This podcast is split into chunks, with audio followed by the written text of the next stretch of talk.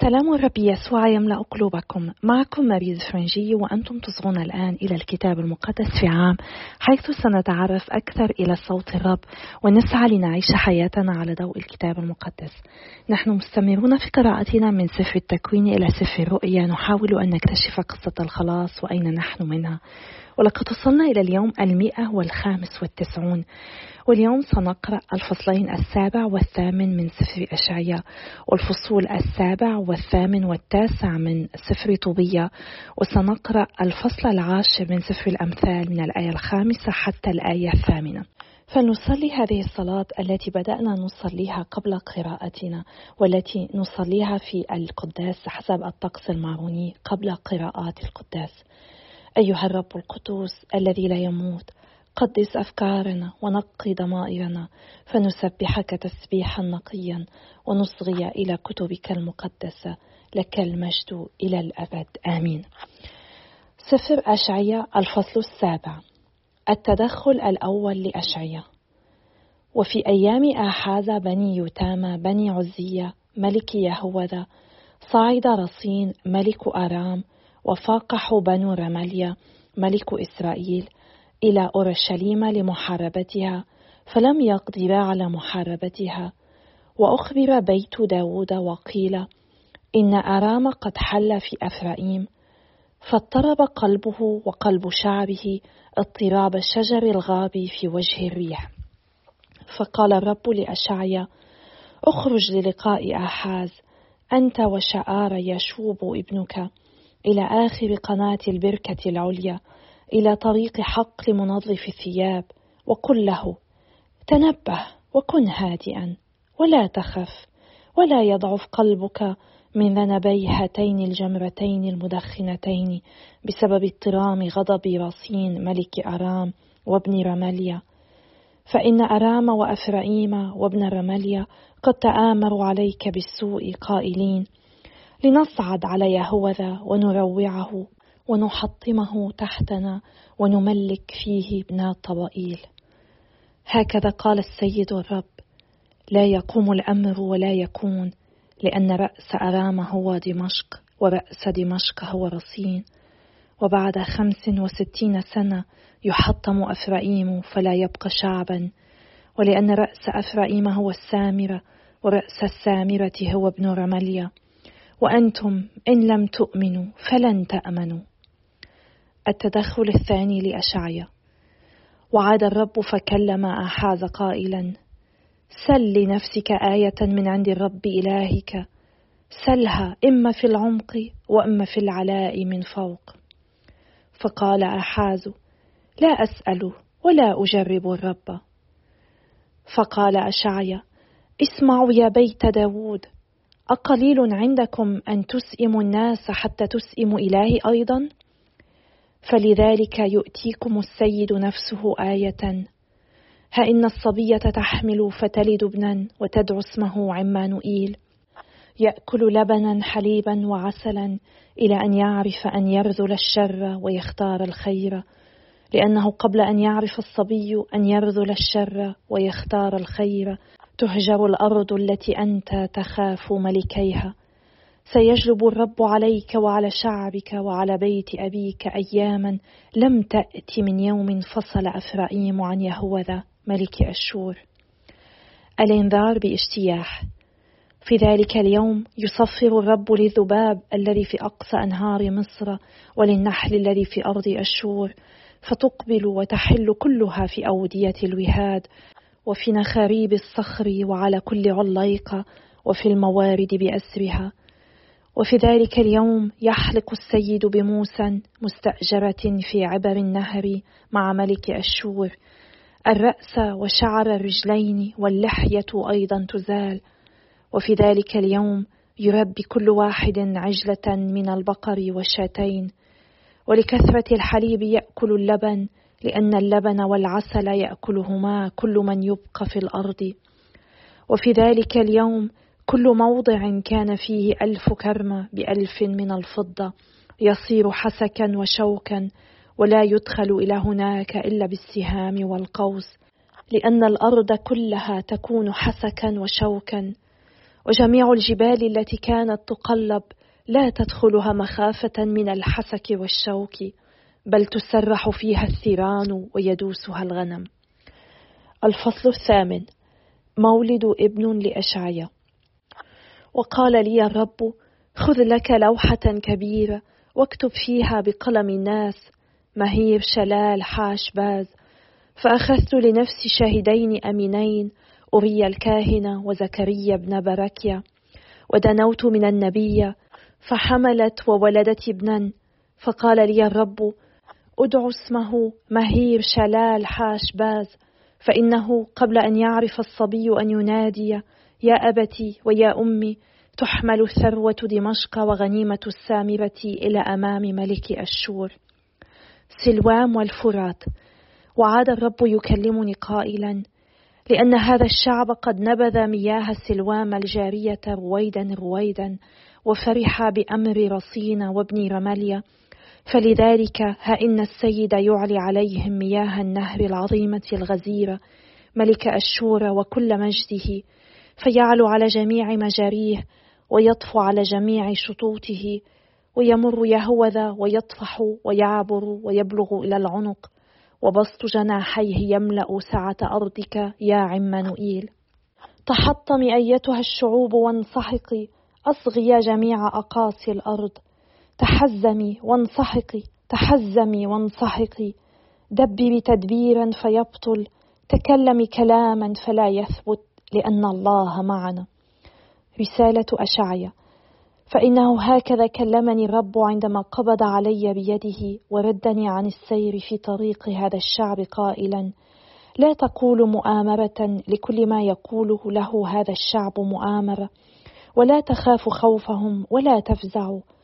قدسوا رب القوات وليكن هو خوفكم وفزعكم فيكون لكم قدسا وحجر صدم وصخر عثار لبيتي إسرائيل وفخا وشبكة لساكني أورشليم فيعثر به كثيرون ويسقطون ويتحطمون ويصطادون ويؤخذون. أغلق على الشهادة واختم على التعليم في تلاميذي. إني أنتظر الرب الحاجب وجهه عن بيت يعقوب وأتوكل عليه. ها أنا ذا والأبناء الذين أعطانيهم الرب آيات وعلامات في إسرائيل من لدن رب القوات الساكن في جبل صهيون. فإذا قالوا لكم اسألوا مستحضري الأرواح والعرافين المهمهمين المتمتمين أليس كل شعب يسأل آلهته؟ ويسأل الأموات عن الأحياء للتعليم والشهادة. حقا بهذا الكلام ينطق لأنه لا فجر له. السير في الليل ويعبر في الأرض مظلوما جائعا وفي جوعه يستشيط غضبا ويلعن ملكه وإلهه ويلتفت إلى فوق وينظر إلى الأرض فإذا الشدة والظلمه وليل الضيق وديجور الانحلال فليس ليل للتي كانت في الضيق. النجاة. في الزمان الأول أذل أرض زبولون وأرض نفتالي وأما في الزمان الأخير فسيمجد طريق البحر عبر الأردن جليل الأمم. سفر طبية الفصل السابع. لقاء رعوئيل. ولما دخلا أحمة قال له طبية يا عذر يا أخي اذهب بي توا إلى رعوئيل أخينا فذهب به إلى بيت رعوئيل فوجداه جالسا عند باب الدار فبادراه السلام فقال لهما ألف سلام عليكما يا أخوي وأهلا بكما سالمين. وأدخلهما إلى بيته وقال لعدناء امرأته ما أشبه هذا الفتى بطبيط أخي؟ فسألتهما عدناء وقالت لهما من أين أنتما يا أخوي؟ فقالا لها نحن من بني نفتال المجلوبين إلى نينوى. قالت لهما أتعرفان طبيط أخانا؟ قالا نعرفه. قالت أهو بخير؟ قالا هو بخير وهو على قيد الحياة. وأضاف طبية هو أبي. فوثب إليه رعوئيل وقبله وبكى وقال له عليك البركة يا بني. فأنت ابن أب صالح فاضل. من أشد المصائب أن يفقد البصر رجل بار يعطي الصدقات. ثم ألقى بنفسه على عنق طبي أخيه وبكى. وبكت عليه عدناء امرأته وسارة ابنتهما أيضا. ثم ذبح كبشا من القطيع واستقبلهما استقبالا حارا. وبعد أن اغتسلوا واستحموا وجلسوا للطعام قال طبي لرفائيل يا عذر يا أخي سل رعويل أن يزف إلي سارة أختي. وسمع رعويل هذا الكلام فقال للفتى كل واشرب وتمتع بهذه الليلة. فليس من حق أي رجل كان أن يتخذ سارة ابنتي زوجة سواك يا أخي. كما أنه ليس لي أي سلطان كان علي أن أزفها إلى رجل سواك فأنت أقرب الناس إلي. وسأطلعك يا بني على الحقيقة كلها. إني زففتها إلى سبعة رجال من إخوتنا فماتوا كلهم ليلة دخولهم عليها. والآن يا بني كل واشرب والرب يمنحك نعمته وسلامه. قال تبيا لا آكل ولا أشرب ها هنا ما لم تتخذ قرارا في أمري. قال له رعوئيل سأفعل إنها مزفوفة إليك بحسب حكم كتاب موسى فالسماء حكمت بأن تزف إليك. اقبل أختك فأنت أخوها منذ الآن وهي أختك وهي مزفوفة إليك منذ الآن وللأبد. وفقكما رب السماء في هذه الليلة يا بني وأنعم عليكما برحمته وسلامه. ثم دعا رعوئيل سارة ابنته فأتت إليه فأخذها بيدها وسلمها إليه وقال اقبلها فهي تزف إليك امرأة بحسب الشريعة وبحسب الحكم الوارد في كتاب موسى خذها وعد إلى أبيك سالما أوصلكم إله السماء بسلام. ثم دعا أمها وطلب إليها أن تأتي بصحيفة وكتب فيها عقد الزواج زافا إياها امرأة له بحسب حكم شريعة موسى. وبعد إذن أخذوا يأكلون ويشربون ودعا رعويل عدناء امرأته وقال لها يا أختي أعد الغرفة الأخرى وقودي إليها سارة. فذهبت تفرش الغرفة كما قال لها وقادتها إليها وبكت عليها ثم مسحت دموعها وقالت لها تشجعي يا بني فرب السماء يؤتيك فرحا بدل الحزن. تشجعي يا بني. ثم خرجت. الفصل الثامن. تحضير القبر لطبية. ولما انتهوا من الأكل والشرب أرادوا أن يرقدوا وذهبوا بالفتى وأدخلوه إلى الغرفة. وذكر طبية كلام رفائيل فأخرج من كيسه كبد الحوت وقلبه ووضعهما على جمر المبخرة. فردت رائحة الحوت الشيطان فهرب في الجو إلى نواحي مصر. فمضى رفائيل في إثره وشكله هناك وأوثقه من ساعته. وخرجوا فأغلقوا باب الغرفة فنهض طبي من الفراش وقال لسارة قومي يا أختي نصلي ولنبتهل إلى ربنا لكي ينعم علينا بالرحمة والخلاص. فقامت وأخذا يصليان فيبتهلان لكي ينعم عليهما بالخلاص والشرع يقول مبارك أنت يا إله آبائنا ومبارك اسمك إلى جميع الأجيال الآتية. لتبارك السماوات وجميع خلائقك أبد الدهور. أنت صنعت آدم أنت صنعت له عونا وسندا حواء امرأته ومنهما خرج الجنس البشري. وأنت قلت لا يحسن أن يكون الإنسان وحده فلنصنع له عونا يناسبه. والآن فلا من أجل الزنا أتخذ أختي هذه زوجة بل في سبيل الحق. اقضي بأن تنعم علي وعليها بالرحمة وبأن نشيخ كلانا معا وقلا بصوت واحد آمين آمين. ثم رقدا تلك الليلة. وكان أن رعوئيل قام ودعا إليه الخدم فذهبوا يحفرون قبرا لأنه قال في نفسه أخشى أن يموت فنكون عرضة للسخرية والشتيمة. فلما انتهوا من حفر القبر عاد رعوئيل إلى البيت فدعا امرأته وقال أرسلي واحدة من جواريك ولتدخل لترى هل الفتى حي فإن مات دفناه من دون أن يعلم بالأمر أحد من الناس. فأرسلا الجارية وأضاءا القنديل وفتحا الباب. فدخلت الجارية فوجدتهما مضجعين ونائمين معا نوما عميقا. فخرجت الجارية وأخبرتهما بأنه حي وبأنه ليس هناك من سوء. فبارك رعويل إله السماء وقال مبارك أنت اللهم بكل بركة طاهرة وليباركوك أبد الدهور. مبارك أنت لأنك فرحتني فلم يكن شيء مما توقعته بل إنك عاملتنا بحسب رحمتك الوافرة. مبارك أنت لأنك رحمت الوحيدين. فأنعم عليهما يا رب بالرحمة والخلاص وأتم حياتهما في الفرح والنعمة. ثم أمر خدمه بردم القبر قبل طلوع الفجر وطلب إلى امرأته أن تعد قدرا كبيرا من الخبز وذهب إلى القطيع فأتى ببقرتين وأربعة كباش وأمر بإصلاحها وأخذوا في إعداد ما يلزم.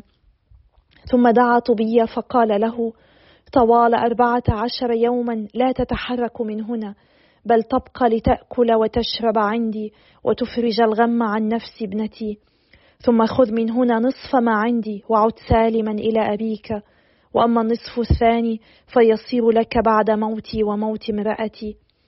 تشجع يا بني فأنا أبوك وعدناء أمك ونحن معك كما أننا مع أختك من الآن وللأبد. فتشجع يا بني. الفصل التاسع. عرس طوبية وسارة. ودعا طوبية رفائيل فقال له يا عذر يا أخي خذ معك أربعة خدام وجملين وسافر إلى رجيس واذهب إلى جبعائيل فأعطه الصقة واسترد المال وأتي بجبعائيل إلى العرس. أنت تعلم أن أبي يحسب الأيام فإن أبطأت يوما واحدا أحزنته كثيرا. وأنت شاهد للقسم الذي أقسمه رعوئيل ولا أستطيع أن أتجاهل يمينه. فسافر رفائيل إلى رجيس ميديا ومعه الخدام الأربعة والجملان وباتوا عند جبعئيل ثم سلم إليه السقة وأخبره بأن طبي بن طبيطة قد تزوج وبأنه يدعوه إلى العرس. فقام وعد له الأكياس مختومة وحملوها على الجملين وبكرا في الصباح فذهبا معا إلى العرس ودخل على رعوئيل فوجدا طبي جالسا للطعام فوثب وسلم على جبعئيل فبكى جبعئيل وباركه وقال له يا ابنا صالحا فاضلا لأب صالح فاضل بار صانع الصدقات وهب لك الرب بركة السماء لك ولمرأتك ولأبي امرأتك وأمها. مبارك الله لأني رأيت صورة حية لطبيت ابن عمي. سفر الأمثال الفصل العاشر من الآية الخامسة حتى الآية الثامنة. من جمع في الصيف فهو ابن عاقل ومن نام في الحصاد فهو ابن العار. البركات لرأس البار وأفواه الأشرار تستر العنف. ذكر البار بركة واسم الأشرار يبلى. حكيم القلب يقبل الوصايا والغبي الشفتين ينهار. أيها الآب القدوس نسبحك ونمجدك ونشكرك. نشكرك على حكمتك. نشكرك لأنك تستمر بالكشف عن قلبك لنا. نشكرك لأنك تدعونا باستمرار كي نعكس حبك في هذا العالم. ونسألك يا رب أن تعطينا أن نثق بك في كل شيء أن نجدد ثقتنا في كل لحظة وأن نسلمك حياتنا. يا رب باسم يسوع نصلي. اقبل صلاتنا. آمين. بسم الآب والابن والروح القدس الإله الواحد. آمين. إن ما قرأناه من سفر أشعيا اليوم يعطينا درسا في الثقة والتوقع. أولا أحاز ابن الملك يتام حفيد عزية أصبح هو ملك يهوذا ولكنه لم يكن ملكا صالحا. وحينئذ دخل رصين ملك أرام وفقح ملك إسرائيل في تحالف وكانوا قادمون لشن حرب ضد يهوذا. عندئذ جاء أشعيا إلى أحاز وقال له إن الرب هو سيقاتل من أجله ويهزم أعداءه ويحمي شعبه. وطلب منه أن يسأل علامة من الرب. كان الله يريد أن يقول لأحاز لماذا تطلب من ملك أشور ولا تطلب مني أنا إلهك؟ نحن نتذكر أن جدعون قد طلب آية من الرب مسبقا والله لم يحزن.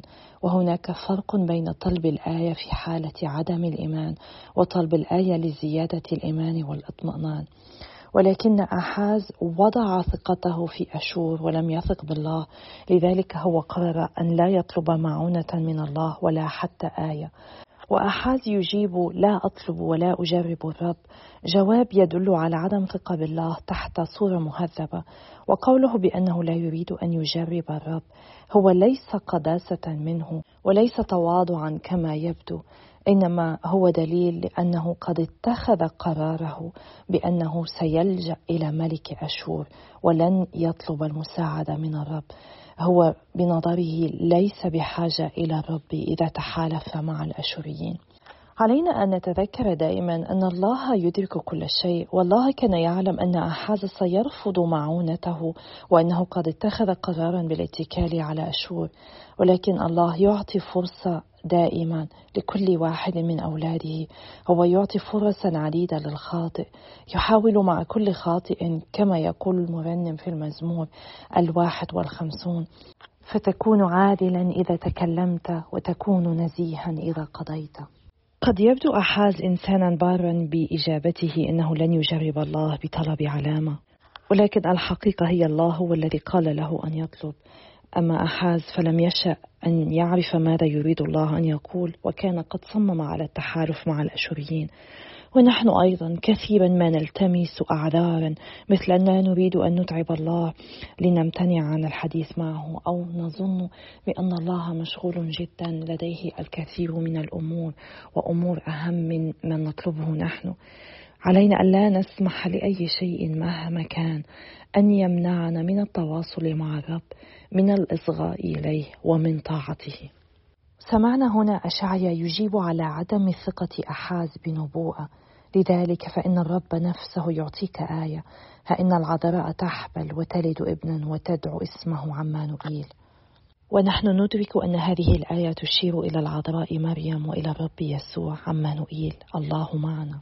وعلينا أن نفهم نقطة أخرى عن هذه النبوءة وما جاء من بعدها. إن النبي لا يخبرنا فقط عن أشياء ستحدث في المستقبل، إنما هو يخبر حقيقة قد تنطبق على شيء سيحدث الآن أو حقيقة ما يحدث الآن. أو شيئا سيتحقق في المستقبل مثل هذه الآية التي قرأتها. ولكن الآيتان اللتان تليان هذه الآية حين يعرف أن يميز بين الخير والشر يأكل زبدا وعسلا لأنه قبل أن يعرف الصبي كيف يرفض الشر ويختار الخير فإن إسرائيل وأرام اللتين تخشيان ملكيهما تصبحان مهجورتين هنا يعتقد أن هذه النبوءة قد تمت عندما ولدت زوجة أشعيا له ابنه الذي ذكرنا اسمه الطويل جدا. مهير شلال حاشا باز الذي يعني مسرع إلى الغنيمة. وقبل أن بلغ الصبي ثلاث سنوات إسرائيل وآرام دمرتا تماما كما قال النبي أشعياء للأسف إن الشعب والملك رفضوا الإصغاء لأشعياء ولهذه النبوءات عن سقوط إسرائيل وآرام. ولأن شعب يهوذا رفض رحمة الله وفضل طلب المعونة من أمم أخرى كان لابد لله أن يعاقبه. ونحن قرأنا في بداية الفصل الثامن أن الشعب رفض مياه شيلوها الجارية الهادئة. والرب مزمع أن يغرقهم بمياه النهر الفياضة هذا يرينا صفتين مميزتين لله محبته وغضبه لأن الشعب أراد أن يتجاهل محبته وإرشاده. وفضلوا الخطيئة هذا جلب غضب الرب عليهم ويجب علينا أن نتذكر دائما أنه هناك عواقب لخياراتنا. الله يريد أن يحمينا من الخيارات السيئة ولكنه يحترم حريتنا ويترك لنا حرية الاختيار. نقرأ في الآية السابعة عشر من الفصل الثامن سأنتظر الرب الذي يحجب وجهه عن بيت يعقوب وأتوكل عليه. نرى أن أشعيا قد عزم على انتظار الله. مع أن الله كان يحجب وجهه عن بيت يعقوب ولم تتحقق كثير من النبوءات التي أعطاها الله عن طريق الأنبياء إلا بعد سبعمائة سنة والبعض منها لم يتحقق حتى الآن. هل نحن على استعداد أن نقبل توقيت الله وليس توقيتنا؟ هل نحن مستعدون أن نفعل تماما كما فعل أشعيا أن ننتظر الرب مهما طال وأن نثق به؟ أن نتكل على رحمته ومحبته دائما أبدا؟ في سفر طوبية وصلنا إلى هذه القصة الرائعة مع سارة وسمعنا رعويل والدة سارة يخبر طبية أن ابنته قد تزوجت سبع مرات وفي كل ليلة كان أزمداوز الشيطان الخبيث يقتلهم كما قرأنا سابقا في الفصل الثالث قبل أن يتحد الزوجين في علاقتهما الزوجية والله قد أرسل رفائيل حتى يستطيع أن يدمر ويطارد الشيطان. وفعل طبية تماما كما قال له رفائيل أخرج من كيسه كبد الحوت وقلبه ووضعهما على جمر المبخرة فردت رائحة الحوت الشيطان الذي هرب في الجو إلى نواحي مصر ثم مضى رفائيل في إثره وأوثقه من ساعته. وهنا نرى سلطة ملائكة الرب سلطة الرب على الشياطين. نحن ندرك حقيقة أن هناك ملائكة وهناك ملائكة قد تمردوا وسقطوا في الخطيئة ونحن نسميهم الشياطين. والرب يسوع يعطي السلطة لتلاميذه كي يطاردوا هذه الشياطين. وسلطة الرب عليها كبيرة هو أقوى منها ويستطيع أن يدمرها.